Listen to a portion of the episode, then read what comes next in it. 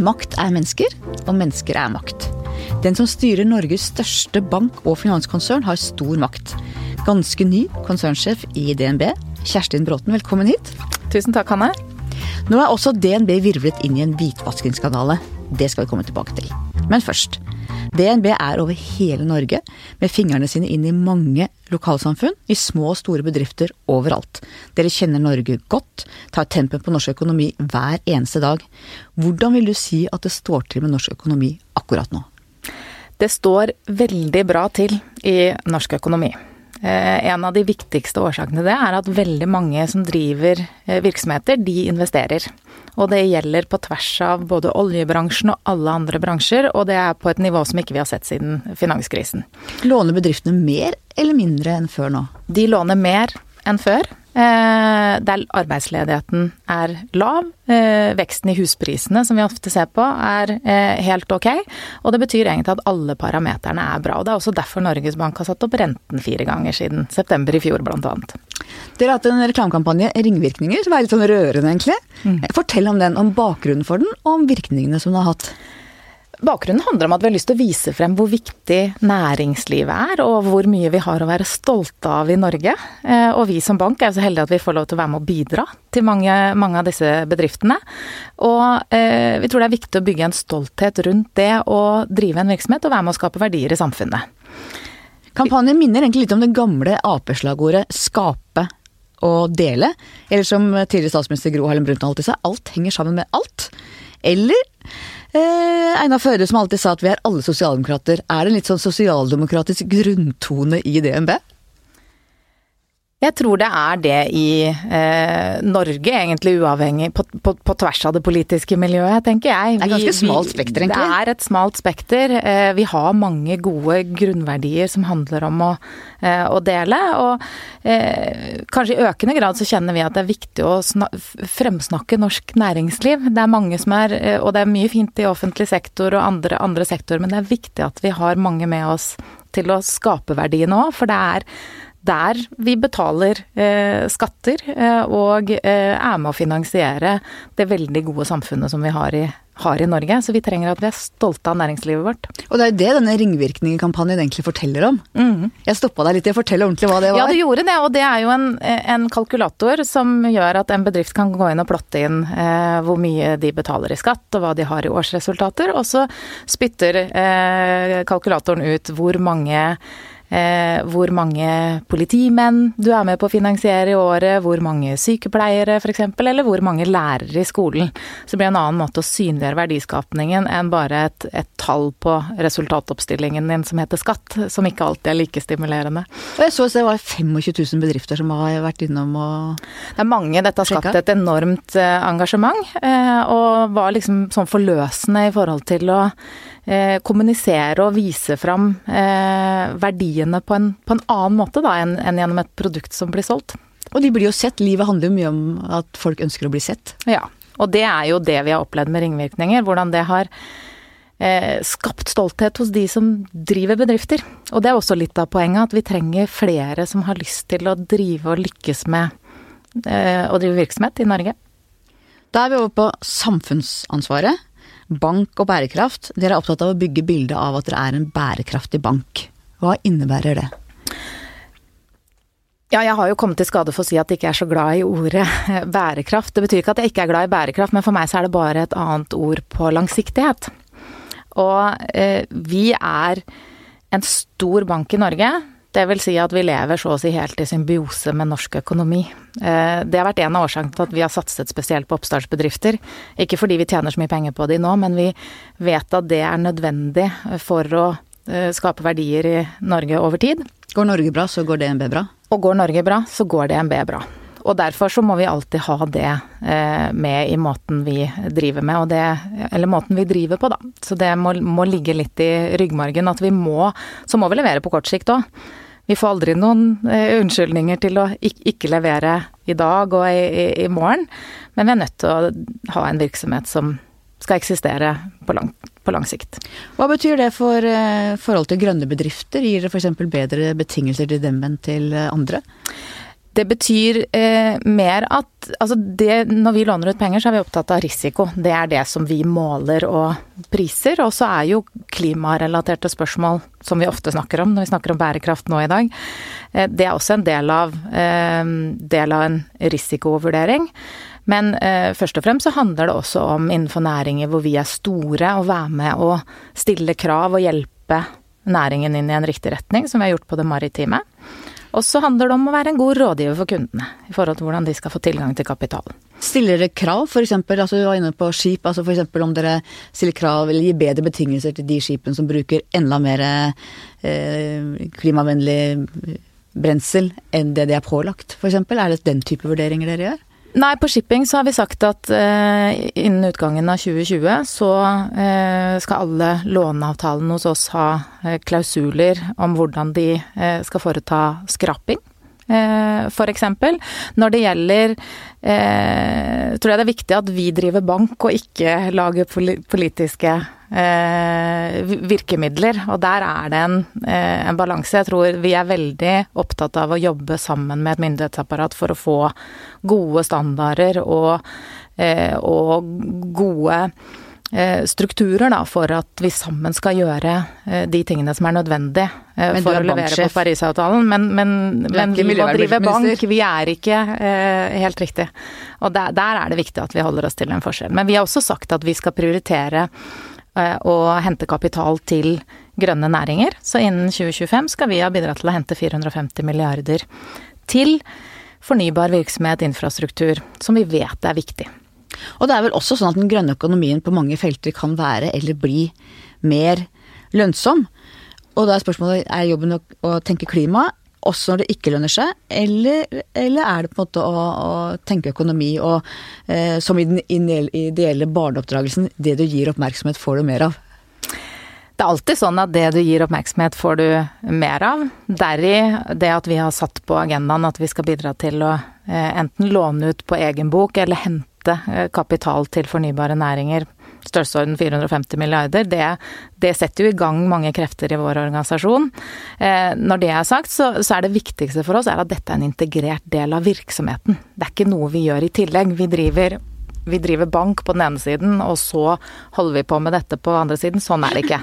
Dette må være helt integrert med det vi gjør, og fordi eh, vi også, som alle, ser jo at dette er en, et nødvendig skifte så eh, er det også bra for DNB.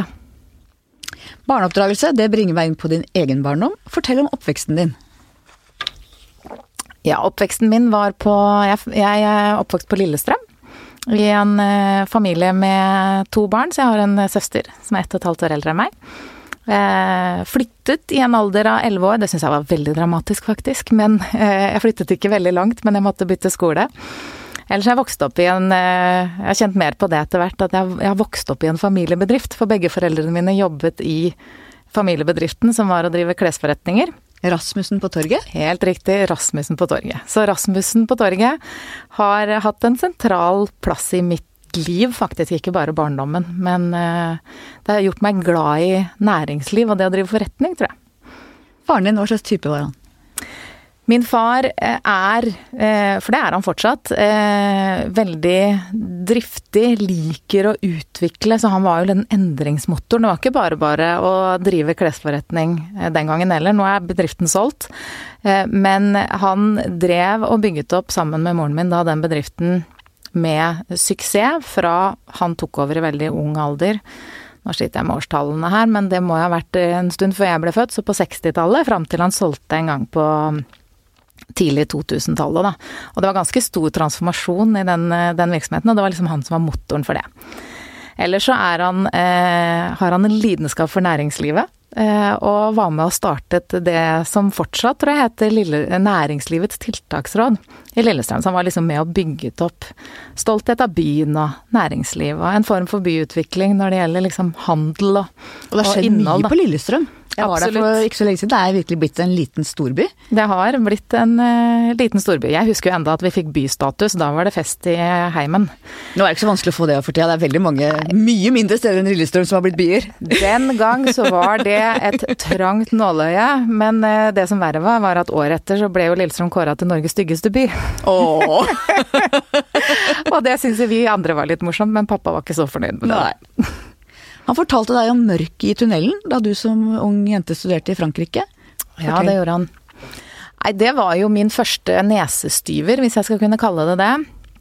Fordi jeg har Jeg hadde, jeg hadde en hva skal jeg si, jeg hadde, jeg hadde, en lykkelig og enkel barndom, er vel sånn jeg tenker tilbake på det. Jeg syns livet var ukomplisert, jeg hadde det trygt og godt, jeg hadde foreldre som var glad i meg og Eh, og ja, det, det sto bra til. Eh, så valgte jeg etter videregående å reise til Frankrike, litt sånn på hunch. Jeg hadde aldri hatt fransk på skolen heller, men Og første året gikk jeg på språkskole. Det var eh, ja, mye fest og moro. Også, ikke så mange franskmenn å snakke med der, eller? Nei, det var Jeg ble veldig god i engelsk det året, faktisk. Men så skulle jeg være der lenger, og da istedenfor å bare fortsette med språk, så tenkte jeg jeg kan jo gå på universitetet. Og jeg var ikke perfekt i fransk etter ni måneder på språkskole, det er vel uh, ingen overdrivelse. Uh, men Eller underdrivelse, hva nå som blir riktig. Men Så jeg skjønte rett og slett ingenting. Jeg gikk til forelesningene hver dag, og det var tradisjonell forelesningssetting med flere hundre elever og eh, forsto ingenting av det som ble sagt. Eh, og der sitter alle og skriver opp hva professorene sier. Og når jeg gikk og spurte om jeg kunne få pensumbøker å lese, så fikk jeg beskjed om at ja, men jeg kunne jo låne bøker av Adam Smith eller Carl Marx eller for Kanes, fordi måten Det er vel ganske tradisjonelt, men de bygger opp sine egne eh, foredrag på tvers av all litteratur. Så da satt jeg dag etter dag og skrev av. Jeg fikk meg en venninne som satt og skrev notater, og jeg satte meg ned og skrev ved siden av. Jeg skjønte ingenting av det jeg skrev. Og hadde en del tøffe runder hvor, ehm, ja, hvor jeg egentlig strøyk på alt som var av tester, og så gjør det noe med det gjorde i hvert fall noe med meg å sitte dag etter dag etter dag og føle at jeg presterte ingenting. Selvtilliten røyk? Selvtilliten, den får virkelig kjørt seg. Og eh, det sosiale blir litt borte når man ikke har språk. Eh, sånn at eh, jeg ble rett og slett ganske nedfor. Eh, og det varte, og det rakk. Og eh, foreldrene mine var skikkelig støtteapparat hjemme. Det var nok mamma som fikk de fleste telefonene, og det var ikke mye glede. De måtte liksom dra meg opp av gjørma. Og så husker jeg da godt en samtale jeg hadde med, eh, med pappa, og det var vel rundt marstider, tenker jeg. Eh, hvor jeg var ganske motløs. Eh, og det kjentes egentlig ut som jeg hadde gjort null fremskrift, da. Det var, det var egentlig følelsen jeg satt med. og da husker jeg at jeg snakket med han, og da tegnet han det bildet som ble så sterkt for meg, og det har det vært hele veien etterpå. At eh, hvis man er i et fengsel eller innelåst, og du skal grave deg ut gjennom en tunnel, og du ikke aner hvordan det ser ut rundt deg, så vet du ikke hvor langt det er igjen til mål. Eh, det kan være eh, Du kan ha gravd 20 meter og en halvmeter igjen, allikevel så er følelsen helt identisk. Og grunnen til at det ble så sterkt, var at det var akkurat det som skjedde. Jeg var det, det, det, skjedde et eller annet rundt april som gjorde at jeg leste jo inn det året da de siste to månedene før eksamen. Og fikk jo til og med mention, som det heter på fransk, på eksamen det året. Eh, sånn at eh, det, det, klikket liksom på plass, da, etter ganske mange måneder med Du sto egentlig og var nesten gjennom tunnelen, men det var helt mørkt? Mm, det var helt mørkt, og så ble det lyst. Ble det lyst. Det er, så det, var, det er et veldig fint bilde, syns jeg. Ja, det, så jeg har båret med meg det bildet siden. Det, det ble liksom en merke, merkedag. Mm. Hvordan vil du beskrive moren din? Mamma er eh, utrolig omsorgsfull, alltid vært der, superinteressert i eh, alt vi har gjort, og allikevel jobbet eh, ved pappas side i alle år og drevet bedriften mens han var, eh, var, sjef, og vært den som dro litt i bremsen når hun syntes hans endringstakt ble litt høy, og det gjorde hun vel stort sett hele tiden, så de levde i en sånn konstant eh, ledergruppe av de to, vil jeg si, som sammen eh, lagde en, en, god vei, da. Både for bedriften og for, eh, for familien. Og hvem av dem tenker du at du ligner mest på? Ja, det syns jeg er et vanskelig spørsmål. Jeg tenker at det er en, jeg tenker at det er en god blanding, jeg. Jeg syns jeg både kjenner igjen trekk av mamma og, og pappa i meg. En god miks. Mm. Faren din hadde ønsket at du skulle ta over familiebedriften. Det gjorde du ikke. Ble han skuffa da du valgte annerledes? Nei, han har faktisk Han, han ga ikke sterkt uttrykk eh, for det. Eh, jeg har jobbet masse i eh, bedriften. Jeg, jeg begynte jo å prise varer på lageret da jeg var Ja, det var før jeg var elleve år. Jeg husker at jeg fikk fem kroner timen. Barnearbeid. Noen kan jo kalle det barnearbeid, ja. Men jeg syntes jo det var veldig spennende. Og jeg begynte å jobbe ute i butikk lenge før jeg var gammel nok, egentlig. Jeg husker jeg kunne alt i den butikken. Eh, første gang jeg tok mot til meg og sto bak en kunde og skulle spørre om jeg, jeg kunne hjelpe henne med noe. Eh, for hun sto og så i noen bukser, og så spør jeg er det noe jeg kan hjelpe deg med. Så snur hun seg, og så ser hun jo bare et barn, så hun bare snur seg tilbake igjen og tenkte at hun måtte ha hørt feil. Eh, så jeg jobbet der masse, syntes at bedriften var spennende, men det var aldri noe press hjemmefra på at verken jeg eller søsteren min skulle, skulle, ta over. Så jeg bestemte ganske tidlig at jeg hadde lyst til å uh, ta meg en utdannelse, få meg en annen jobb først, og så skulle jeg velge. Og så gjorde jeg det, og jeg tror egentlig pappa var forberedt på at det sannsynligvis ikke kom til å bli det. Han visste at bransjen var tøff, og jeg var vel mest Det jeg mest, tenkte mest på, var at jeg var redd det skulle bli litt ensomt. Jeg liker å jobbe sammen med folk, og når man driver en sånn virksomhet, så, så har man kanskje andre mange andre ting å tenke på enn de som jobber i, i selve butikken, da. Verden er jo dramatisk endret siden den gang eh, du jobbet i butikken. Hvis jeg sier PSD2, hva tenker du da?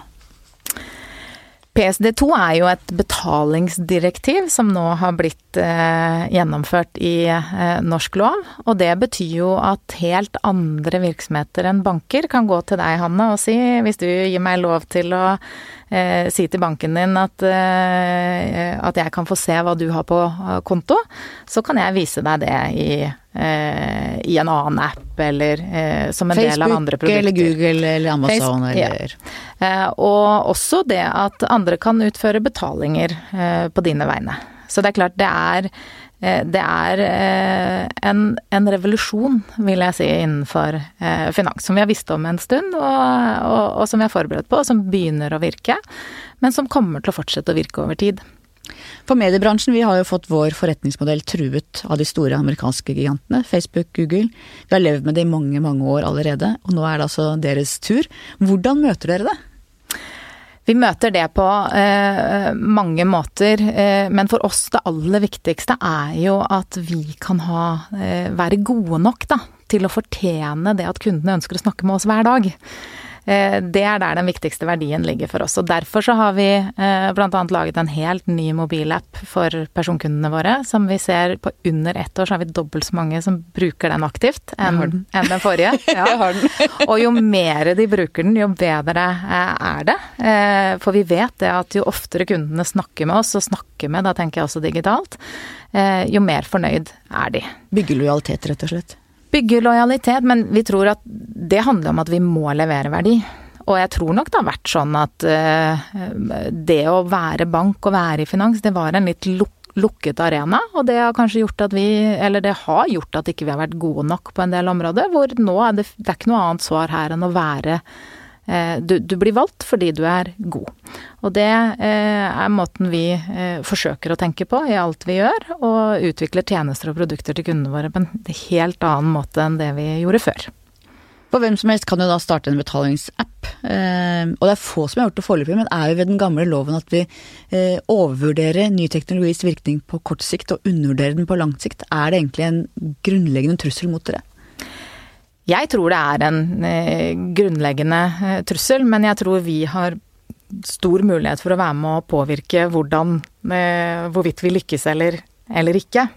Og jeg tror absolutt det kan være noe i det du sier om at vi undervurderer på kort sikt. Og, så vi forsøker, da, selv om ikke det har vært en revolusjon enda, å ikke undervurdere på sikt. Samtidig så er det en stor bredde i vår virksomhet, og det er faktisk ganske mange som har startet, men vi opplever jo at det er, det er ikke så lett å bygge volum på disse tjenestene som mange tror. Så det vi opplever fra vår side, er jo at mange av disse mindre aktørene, de har gått fra å ønske å gå i direkte konkurranse til å ønske å samarbeide. Så det er også noe vi gjør mye. Vi erkjenner at vi er ikke best på alt. Så vi slipper til andre gjennom eh, API-er på mer enn det vi må eh, i forhold til regelverket. Fordi at andre kan lage gode løsninger på våre produkter, sånn som vi har en fakturaskanner for å betale i, i mobilbanken. Den er det jo en liten fintech-bedrift som har utviklet. Det syns vi er spennende. For 40-50 år siden så satt 85% av bankens ansatte i filialer rundt omkring i hele landet, og vi sto i kø. Jeg er så gammel at jeg husker. Vi sto i kø for å ta ut pengene våre. Og i dag er det knapt én av ti. Dere har hatt store nedbemanninger i DNB, mens nå er det kanskje mer der at dere må eh, spille med det pianoet dere har og utvikle folk og ikke bytte ut. Du kaller, snakker om noe som heter reskill. Hva er det? Det handler om at vi må ha med oss den organisasjonen vi har inn i fremtiden. For det at vi eh, har behov for hele tiden ny kompetanse, eh, eller en kompetanse som er annerledes enn den, den vi har hatt, det kommer bare til å fortsette, og det kommer til å påvirke oss alle i form av at vi går ikke på skolen og blir og lærer oss et fag, og så går vi ut i arbeidslivet og utfører det. Jeg tror at vi må eh, bygge ny kompetanse hele veien. Eh, det er både for dyrt fra et menneskeperspektiv og økonomisk perspektiv, og rett og slett ikke mulig, tror jeg, hvis man skal bare tenke at den kompetansen vi har, den må ut av døra, og så må vi ha ny inn. Ikke fins den i markedet, ikke er det praktisk eh, gjennomførbart så eh, er vi nesten like mange som vi var eh, faktisk eh, den gangen for 50 år siden, men vi ser at vi har en helt annen sammensetning i den kompetansen vi har.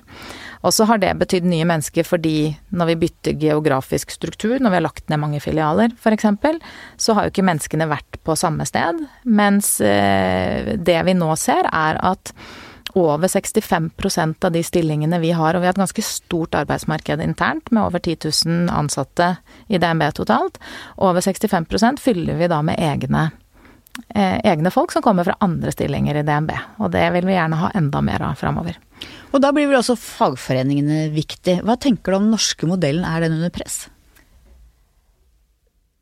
Jeg, jeg håper håper den ikke er under press, eller hva skal jeg si, den er under press i forhold til at jeg tror fagforeningene har et like stort behov for å forandre seg som bedriftene for å være relevante.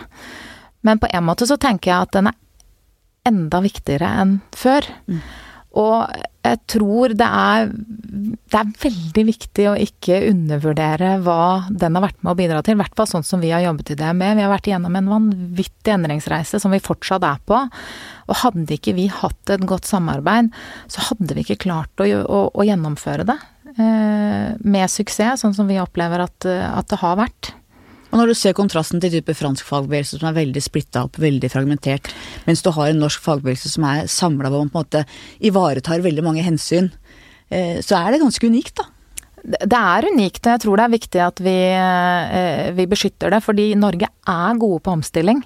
Eh, noen ganger så er vi flinkere til å snakke om hva vi ikke er gode til, enn hva vi er gode til. Vi er gode på omstilling, og det er jo det som gir trygghet, tenker jeg også for at vi skal klare den omstillingen som må til i næringslivet framover. Men du spurte om reskill, og det må jeg svare på. Ja. For det gjorde jeg ikke. For reskill er jo et litt sånn ja, fancy ord, men det handler jo om at vi legger til rette for at eh, medarbeiderne våre kan bygge ny kompetanse. Og det gjør vi i hverdagen gjennom å bruke digitale treningsmetoder, sånn ting som alle bør eh, lære seg, områder hvor ting er i bevegelse. Mens reskill bruker vi kanskje der hvor vi har satt konkrete treningsopplegg, da. Og vi, har gjort det på, vi gjør det på IT-arkitekter. Vi har gjort det på dataanalytikere, som vi har tatt ut av de jobbene de har hatt, eh, og fått et fire-fem måneders eh, skole... Altså ut, utdanningsprogram. Internt i DNB eller ute i verden? Internt i, i DNB. Eh, med både, men både med interne og eksterne eh, krefter. Vi gjør det på businesskontrollere.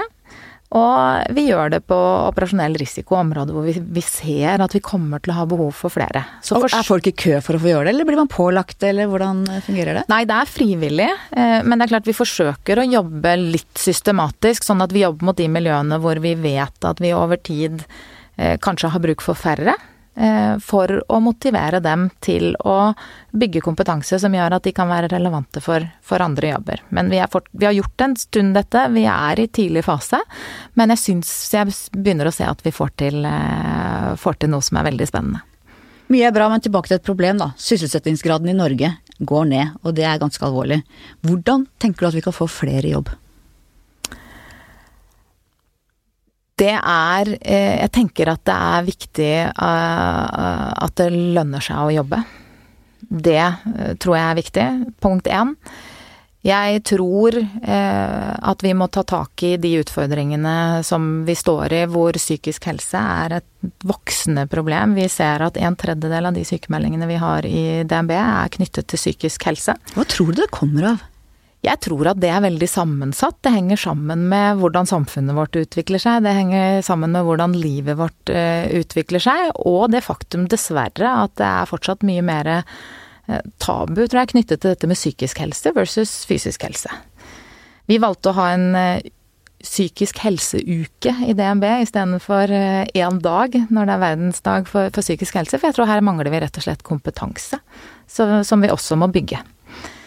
Det at folk har det gøy på jobb, det er viktig.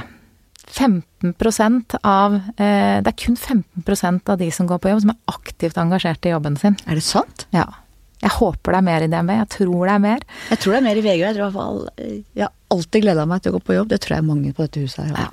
Og så er det Men det er ikke så mange som er aktivt uengasjert heller. Eh, det er Det er også størrelsesorden 15-20% men jeg tror det er 60% som er helt indifferente, da. Altså de bryr seg ikke så mye. Det tenker jeg er en viktig oppgave for, eh, for, oss som jobber, og ikke bare for ledere, men for alle, alle er, veldig mange av oss er kollegaer. Eh, og, og ta et fellesansvar for at vi skal være engasjert og for at man skal trives, da. Mange timer av hverdagen som kommer til å jobbe. Og det må jo, i tillegg til trivsel, så må det også oppleves meningsfylt, det man gjør. Jeg leser en ja. undersøkelse fra USA og jeg husker ikke tallet, men det var helt sjokkerende mange som mente at de gjorde ting som egentlig ikke betydde noe. Hver dag, ja. hele dagen. Og det er faktisk en av de tingene vi har jobbet mye med i DNB, hvordan vi kommuniserer på tvers av organisasjonen. Og det tror jeg det er Du sa det vel litt innledningsvis da vi snakket om ringvirkninger. Alt henger sammen med alt. Det har vært veldig viktig for oss at så mange som mulig i DNB, helst alle, skjønner hva som skjer i finansnæringen. Eh, skjønner at PST2 er noe som kommer til å bety mye for oss. Skjønner at vi må gjøre oss fortjent til kundene. For det ligger i bunn for mange av de tingene vi må gjøre. Noen av de spennende og utvikling av nye produkter og tjenester. Noen av de ganske tøffe. Fordi endringer er tøft eh, for folk. Men skjønner vi hvorfor, og tenker at eh, Og ser hvordan For meg er det viktig å se hvordan jeg er med å bidra. Det, det er det for alle, som, som, som du sier. Og når vi forstår det å forstå hva vi forsøker å få til, det gjør det så mye lettere å ta både de tøffe valgene og stå i dem, og, og også være med på den, den, den morsomme, morsomme, delen av reisen, da. Eh, hva med kvinner med innvandrerbakgrunn? De er jo, mange av dem er ofte underrepresentert i sysselsettingsstatistikken. Det er også en del av bildet? Det er også en eh, del av bildet, og det å jobbe med mangfold er eh, viktig. Eh, og jeg opplever at det kommer sterkere igjennom. Vi har satt dette på agendaen. Vi har jobbet med mangfold fra et kjønnsperspektiv lenge i DNB, og fortsatt en vei å gå innenfor enkelte områder. Totalt sett nå så er vi nesten 40% nå liker jeg å si minimum 40 av hvert kjønn, ja. For det er viktig. Eh, men så er det så mye mer enn eh, kjønn når vi snakker mangfold, blant annet eh, kvinner eller menn med innvandrerbakgrunn, ulike nasjonaliteter, ulike kulturer. Og det å lykkes med det er viktig både for samfunnet og for næringslivet, og for å få den produktivitetsveksten som vi trenger fremover. Og så har du hele automatisering, robotisering, jobber som blir borte. Både i butikker og bak rattet i lastebiler, men også i finansnæringen, blant leger, advokater. Hvordan kan vi som samfunn møte det? Hvordan blir det seende ut arbeidslivet om noen år?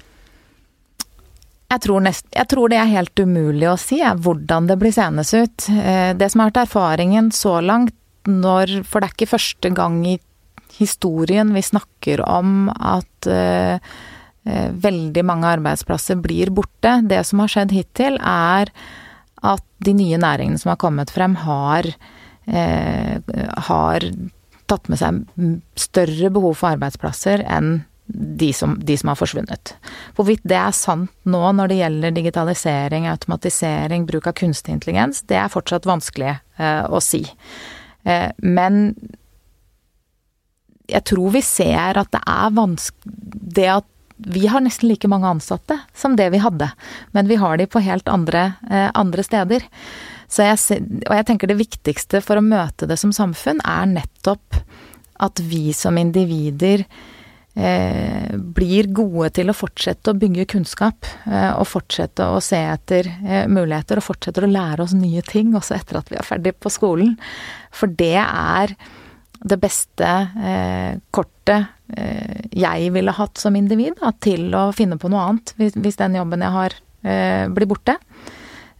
og, og, og så trenger vi jo at folk starter bedrifter og bygger mer, eh, næringsliv og bygger mer eh, nye verdier og nye arbeidsplasser.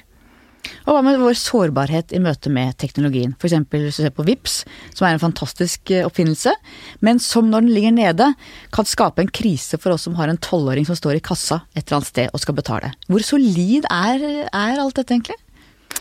Det er ikke sant, ethvert Eh, enhver nedetid eh, er ikke bra, og vi vil jo hele tiden jobbe for at vi skal ha minst mulig eh, nedetid. Og at ikke vi får de krisene med tolvåringen som står i kassa. Eh, så eh, heldigvis så varer det ikke så lenge. Og jeg tror det er, hvis man går inn og ser, så det, det vil ikke være lang nedetid uten at, uten at, det kommer opp igjen. Det kjenner vi oss ganske eh, Altså det er vi komfortable med. Men det er klart, det å være avhengig av, av digitale tjenester gjør oss jo sårbare i forhold til, i forhold til, til det digitale på en annen måte enn før. Eh, samtidig så tror jeg at vi, vi glemmer litt ulempene med, eh, med, det som var, eh, når vi, kjenner, når vi kjenner på de nye. Så eh, jeg tror det er riktig for Norge å tenke på hvordan kan vi ha en form for eh, beredskap, men allikevel så er det langt flere fordeler med ved det faktum at nå er det bare 5% av de transaksjonene som gjøres i Norge som, hvor vi bruker kontanter. Svenskene vil jo ha det kontantfrie samfunnet, er det lurt? Jeg tror det er lurt med et eh, kontantfritt eh, samfunn. For å være helt ærlig så kan jeg ikke se noen grunn til at vi skal ha kontanter. Det som er viktig, er at det er en beredskap. Og så har jeg respekt for at eh, noen fortsatt ønsker å bruke kontanter. Og det ligger en plikt det er for oss som bank å, å ha det som tjeneste. Men eh, Beredskap er viktig, og det gjør jo at dette er en viktig diskusjon eh, hos mange sentralbanker for tiden, f.eks. Hvordan skal vi sørge for at sårbarheten ikke er stor, eh, for stor? Hvis vi blir hacka og bare noen tar alle pengene våre? Ja, det, det Eller på en måte manipulere kontoene, liksom. Altså, hacking kan, jo, kan jo gjøre mye ja, jeg tror man skal aldri si aldri. Eh, samtidig så, eh, så, er det jo ganske store forsvarsmekanismer. Og det er ikke sånn at alt som var på papir før i tiden var, var så mye tryggere, tryggere, den gangen. Men vi må ha robuste nok systemer som gjør at eh, tjenester fungerer selv om, selv om nettet skulle være nede en periode. Vi må ha robuste systemer som gjør at vi har tilgang til penger, eh, selv om noen systemer skal være ute av funksjon en periode. Det er det som er viktig. Bør man ha cash liggende hjemme? Nei, jeg har ikke det. Nei. jeg har de som barna får i bursdag, som ja. blir liggende i en skuff. Ja. Eh, men jeg, jeg, tar aldri ut cash når jeg reiser rundt i verden heller. Dette handler jo også om trygghet. Og kvinner er jo mer opptatt av trygghet enn menn, det veit vi. Likevel så styrer fortsatt mennene det meste av familieøkonomien. De tunge lånene, investeringer. Hvordan forklarer du det? Nei, det syns jeg faktisk er veldig vanskelig å forklare. Jeg tror det er noen mønstre som skapes over tid, og så blir vi sittende litt fast i dem, vi mennesker. Det tror jeg er liksom menneskelig natur. Og dette er jo en, eh, en hva skal vi si, noe som ikke henger sammen med det du sier, det du sier først. Ja, og kanskje henger sammen i et sånn tradisjonelt kjønnsrollemønster. Men du hadde jo gamle husfruer som gikk rundt med nøkkelknippet på hofta, styrte ressurser og arbeidsfolk mens mennene var ute og kriget. Hvor ble det av henne? Nei, så var det mennene som eh, Det var jo mennene som jobbet og fikk lønning og sto i banken og åpnet bankkonto. Eh, og da har det fulgt med, tenker jeg. For det er jo ingenting som sier at uh, Det er vel heller en del ting som sier at kvinnene er vel så godt egnet som å planlegge uh, og tenke på familien på sikt, hvis vi ser hvordan dette fungerer i en del samfunn som har mindre, mindre å rutte med det enn det nordmenn, nordmenn flest har, da. Så dette er jo et tema som vi er opptatt av som også handler om bærekraft. Det er mange ting i bærekraft mer enn klima. Og vi gjorde jo en undersøkelse for litt siden hvor vi så på kapitalgap. Og vi har ofte snakket om i Norge eh, lønnsgap mellom kvinner og menn. Eh, og der har vi, vi har kommet et godt stykke på vei i forhold til å utjevne forskjellene der. Men det største delen av kapitalgapet kommer jo fra hva kvinner gjør med pengene sine versus menn. Og det, det var en ganske stor, eh, stor vekker for, for, oss, som vi har valgt å ta ut. Vi ser annet det er menn som eier 80 eh, av de aksjene som omsettes på Oslo Børs, de setter pengene sine i eh, fond. De setter kapitalen i arbeid, som gjør at det blir mer av den. Og hva gjør damene? Og damene de har eh, pengene på konto, eller bruker den til daglig, daglig bruk. Og tar kanskje størsteparten av oppgavene hjemme, sånn at det er også da veldig overrepresentert i andel som blir sittende igjen som minstepensjonister, f.eks. Så mennene tar mer risiko. Eh, og da ser vi f.eks. Eh, under finanskrisen i 2008, så var det veldig mange som tok ufattelig stor risiko. Putta penger i noe som ingen strengt tatt visste hva var. Kompliserte og helt uforståelige finansielle produkter. Kunne finanskrisen vært unngått hvis det hadde vært flere kvinner i ledelsen i de store finansinstitusjonene, f.eks. i USA? Nei, det syns jeg er en vanskelig eh, parallell eh, å trekke. Jeg tror at det er mange årsaker til at det bygger seg opp eh, finansiell eh, ustabilitet, eh, og at enhver krise vil alltid være annerledes enn den forrige. Men det var mange av de hva si, cocky mannfolkene som, som tok enorm risiko, og som må ha visst litt at dette var et høyt spill? Noen eh, Altså, det der handlet jo om litt ubalanse i systemer, og det er klart det Det handler jo om hvordan systemene er skrudd sammen. Jeg tror at eh, globalt Nå har jo ikke dette vært på samme måte i Norge, men globalt så er det jo ikke tvil om at, eh, at en næring som finansnæringen trenger også å, å, være regulert, og hvordan den er regulert er, er viktig. Eh, og det er nettopp for å forstå disse mekanismene. Men, det, men eh, det, var, det, var, sikkert eh, flere som så den risikoen de tok. Eh, men hvis de fikk uttelling for den selv, så, eh, så, eh, så var de fornøyd med det. Men jeg tror det viktigste som jeg vil si knyttet til kvinne-mann-perspektivet der, er, mangfold, altså. Som jeg er helt sikker på er mye bedre. Ja, uten, å, uten, å, stereotype for mye, da, eh, på den ene eller den andre. Fordi det er klart, vi, vi sier veldig ofte at menn tar mer risiko enn kvinner. Jeg vet ikke. Hvis menn putter pengene sine i indeksfond, så det er jo ikke bare at de tar mer risiko, mens kvinnene bruker det på interiør. Jeg vet ikke helt hvor risikoen er. Så um, Ja, det er godt poeng. Det, det, er veldig godt poeng. Jeg, jeg, har nok ikke et ønske om å forsterke den, at menn tar mer eh, risiko enn kvinner. Og vi har i hvert fall, vi har i hvert fall eh, forsøkt å lage en liten vekker til norske kvinner gjennom Hun investerer-kampanjen, som peker på nettopp dette. Og syns det er utrolig morsomt å se at de siste tre månedene så er det like mange kvinner som menn som kjøper fond, f.eks. Bankene og egenkapitalkravene. Jeg var nylig på et seminar i Finansdepartementet mm. eh, hvor det var noen, noen som var bekymret for bankenes soliditet. At norske banker, som riktignok er mer solide enn andre i Europa, eh, likevel har, er, har, så lav egenkapital eh, at bankene aldri ville gitt bedrifter med så lav egenkapital lån. Og det er oppsiktsvekkende i min verden. Forklar denne bankøkonomien. Hvordan er det dette henger sammen? Nei, det er Kapitalstrukturen i eh, banker ser annerledes ut, men eh, jeg er ikke bekymret for eh, soliditeten i norske banker. Det ble jo strammet veldig inn etter finanskrisa. Dere, dere var jo ikke så happy for det da, men kanskje det er bra nå? Det er bra nå. Jeg mener det har vært gjort mye bra. Vi lever hver dag med at vi har mer kapital å forrente enn enn en sammenlignbare banker andre steder. Det, det, gjør det jo ekstra tøft, og det betyr at vi må Dere må ha mer penger i banken, ikke sant? Vi må tjene mer. Og det er klart Noen ganger kan det være lett å si nå tjener dere dobbelt, mye, dobbelt så mye som dere gjorde før, men, de, men eierne får ikke mer igjen allikevel, fordi at vi har dobbelt så mange eiere, hvis vi tenker én eier for en krone, da.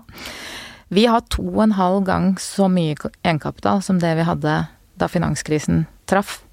Eh, og det var jo ikke soliditeten heller som var utfordringen den gangen, det var at likviditeten eh, tørka opp. Ja. Eh, I Norge var det det som var, var utfordringen av mange andre steder. Og vi har mer enn dobbelt så mye kapital som, som gjennomsnittsbanken i Europa. Sånn at eh, vi kjører stresstester. Når Europa kjører sine stresstester, eh, så kommer vi eh, ut blant de tre eh, beste. Så eh, vi kan være trygge på Det har vært gjort en god jobb, tenker jeg, med kapitalisering av norske banker. Og vi har hatt en økonomi som har tålt det, så vi har hatt mulighet til å bygge opp. Og det er en del av det som gjør norsk økonomi robust. Bankregulering er jo i seg selv et interessant tema. Jeg har snakket med mange gjester i podkasten min om dette, blant annet tidligere sentralbanksjef Svein Gjedrem og dagens sjef Øystein Olsen. For jeg lurer på hvorfor det må være så detaljert. Altså Hvis du ser på Basel-reglene som regulerer banknæringen i Europa, så var den opprinnelig på 30 sider. Etter bankkrisen i 2008 så er, 8, så den på nær 1000. Og det anslås at de samlede reguleringene av finansnæringen i Europa er på nær 30 000 sider. Og at bankene trenger 70 000 årsverk bare for å følge opp. Hvor rasjonelt er det å gjøre det på den måten? Nei, det tenker jeg er et veldig godt spørsmål, Hanne. Det, eh, det er en utfordring eh, at eh, reguleringer kan bli for komplekse. Og det er et tankekors at, at Jeg tenker at prinsippet knyttet til reg, Basel-reguleringene er, er viktig. Og det handler bare om at du skal ha mer egenkapital for å finansiere noe som har høy risiko, enn du skal ha for å finansiere eh, en av de best rangerte bedriftene i, i landet, f.eks. Det, det stemmer jo ganske godt med magefølelsen vår. Eh, Og hadde vi klart å lage noe som var enkelt, og som tok høyde for det, eh, så hadde det blitt veldig bra. Jeg mener at kompleksiteten er i ferd med å bli et, et problem. Og at den balansen som er veldig viktig å, å holde på, det er, det er at man ikke ødelegger for eh, eller fjerner eh, en virksomhets evne til å eie sin egen virksomhet. Altså, man må ha ikke et moralsk bare kompass. ja, ha et mor- moralsk kompass, ha et kompass som gjør at vi kan ta At vi kan ha vår vurdering av risiko. Hva som er høy eller lav, bra eller dårlig, eh, dårlig risiko. Og, og det er en, en balansegang. Men i, i, sum så vil jeg også si at det har vært gjort veldig mye bra med eh, regulering av norske banker, og det er en av de tingene som gjør at, eh, at eh, Norge er, er solid. Men det er viktig å passe på at ikke det blir Det blir, blir så komplekst at det mister verdien, da.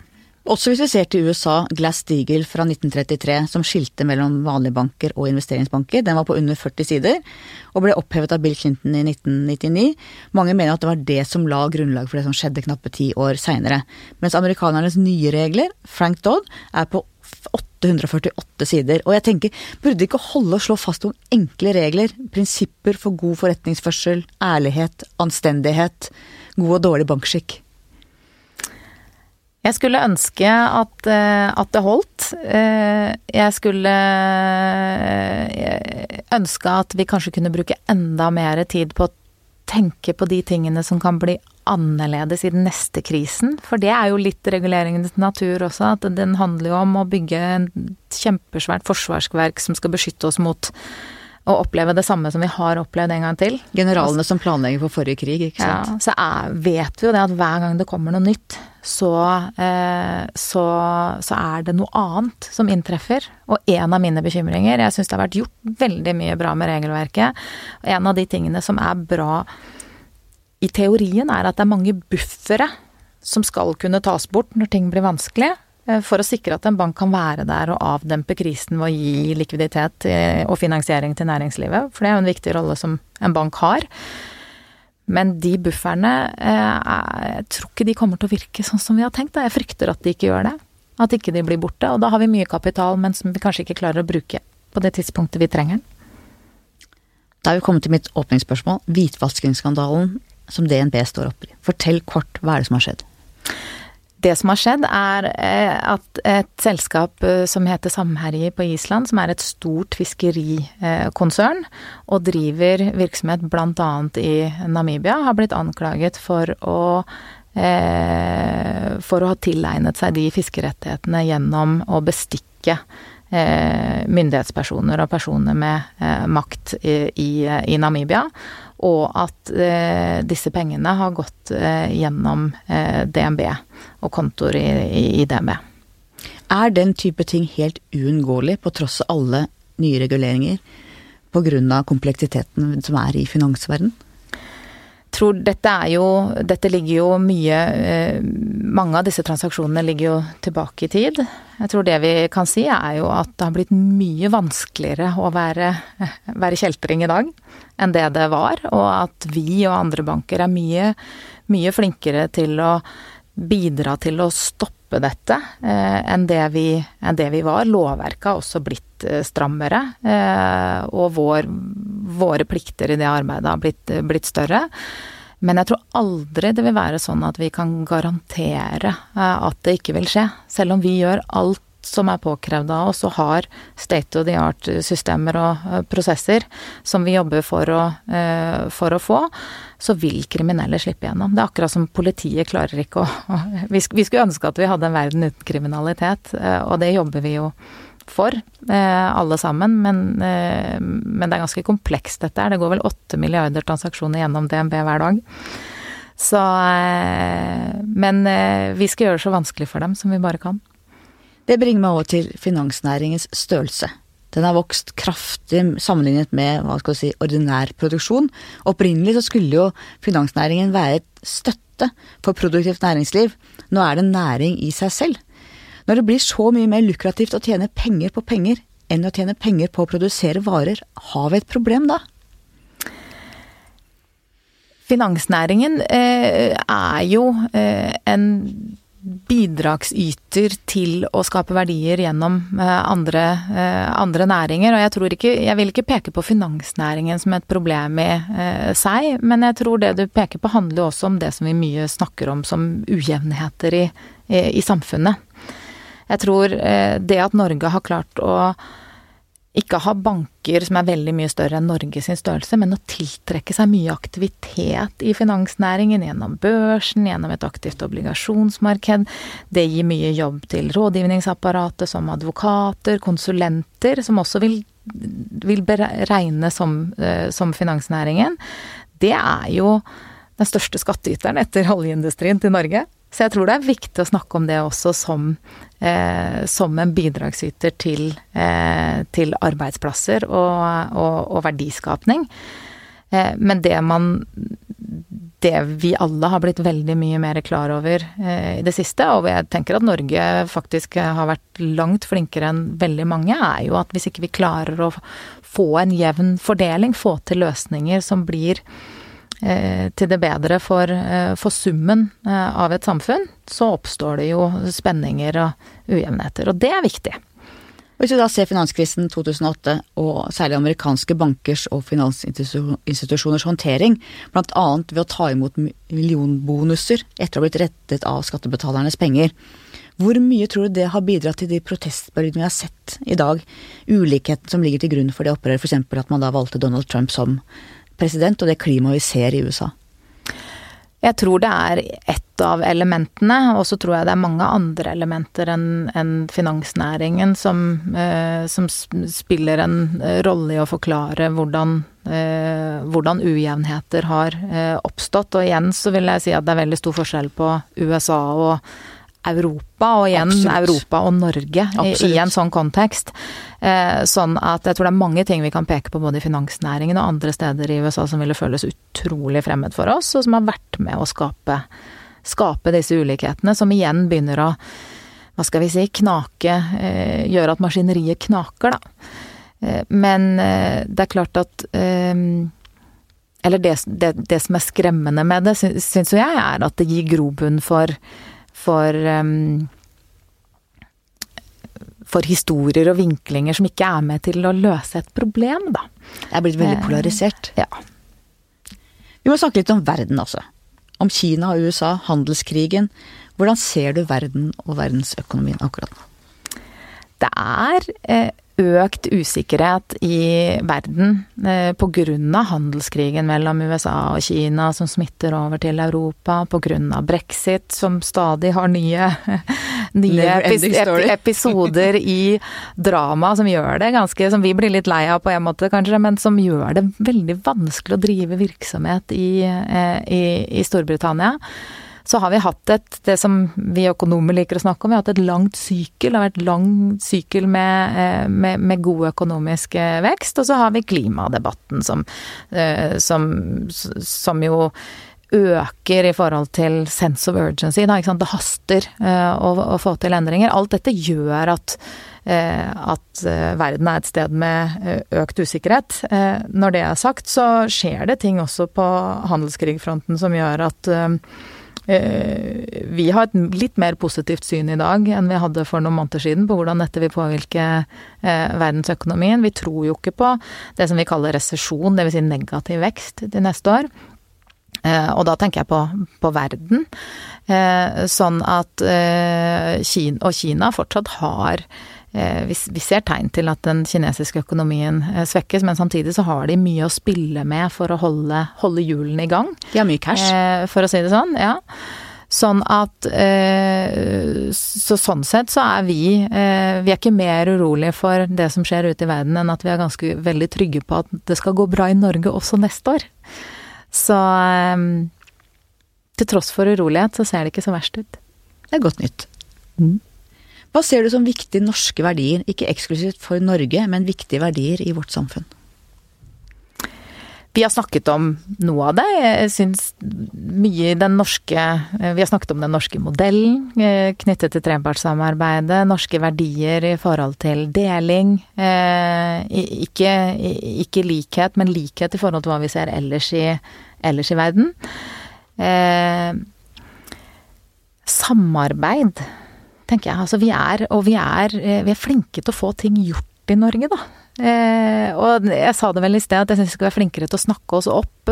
Eh, kompetanse står igjen i vinden, og noen ganger så kan kompetanse bli et litt sånn vanskelig begrep å forholde seg til, men jeg blir så fascinert da når jeg reiser rundt i Norge og treffer virksomheter som eksisterer bare på grunn av kompetansen sin, da, og som er vanskelig å bytte. Som jeg har besøkt et, et, et selskap, en av de største satellitteierne i, i, i, verden, som driver i Tromsø, som eier satellitter på begge polene, og som jobber med NASA og andre og det er klart det er store kapitalinvesteringer, men kapital er det mange som har tilgang til. Men den kompetansen de har bygget opp gjennom mange år, gjør at de er nesten uangripelige, da. Og det er både kompetanser hos individer, men også det vi kaller liksom institusjonell kompetanse sitter i veggene, da. Og, og øh, den, den norske, hva skal vi si, skikkeligheten, da gjør at, eh, at eh, vi, vi, har mange sånne eh, virksomheter, og vi er arbeidsomme, tenker jeg. Det ligger i vår kultur. Det er ikke så mye Det er ikke så mye window dressing og sminking. Det er bare det å brette opp ermene og få det gjort, da. Ja, det er hardt. Ja. Man måtte det. Ja. Og hvordan ser du religionens plass i vårt samfunn? Ja, det er et spennende spørsmål. Eh, trenger man religion mindre når man får mye kunnskap? Religion er jo sammensatt, det er vel både roten til nesten alle de krigene vi har hatt på en måte, men samtidig så tror jeg mange, mange mennesker har behov for noe annet, da. Noe å tro på. Og det, det, tenker jeg om, om, det, om, det, er religion eller om det er noe annet, eh, det tenker jeg kanskje ikke er så viktig, men jeg tror det er viktig at vi som mennesker anerkjenner eh, behov for tilhørighet, for rammer, for, eh, for eh, noe som blir en veileder da, i livet. Livet kan jo være ganske komplisert og sammensatt. Det gir Absolutt. en form for trygghet. Tror du på Gud? Jeg er en sånn mellomting, tenker jeg. Jeg har aldri vært aktiv kirkegjenger, og jeg er ikke aktivt ateist. Eh, men eh, jeg anerkjenner at det er fint å tenke at eh, det er ikke alt vi forstår. Det er vel det jeg kjenner. Til slutt, mitt faste spørsmål. Hva skal bli historien om deg? Kjerstin Bråten, det var hun som det var hun som tok godt vare på DNB i sin etappe som konsernsjef. Å, så fint. Tusen takk for at du kom. Takk skal du ha. Takk til deg som hørte på. Takk til researcher Grete Ruud, og til vår faste produsent Magne Antonsen. Vi høres igjen om litt.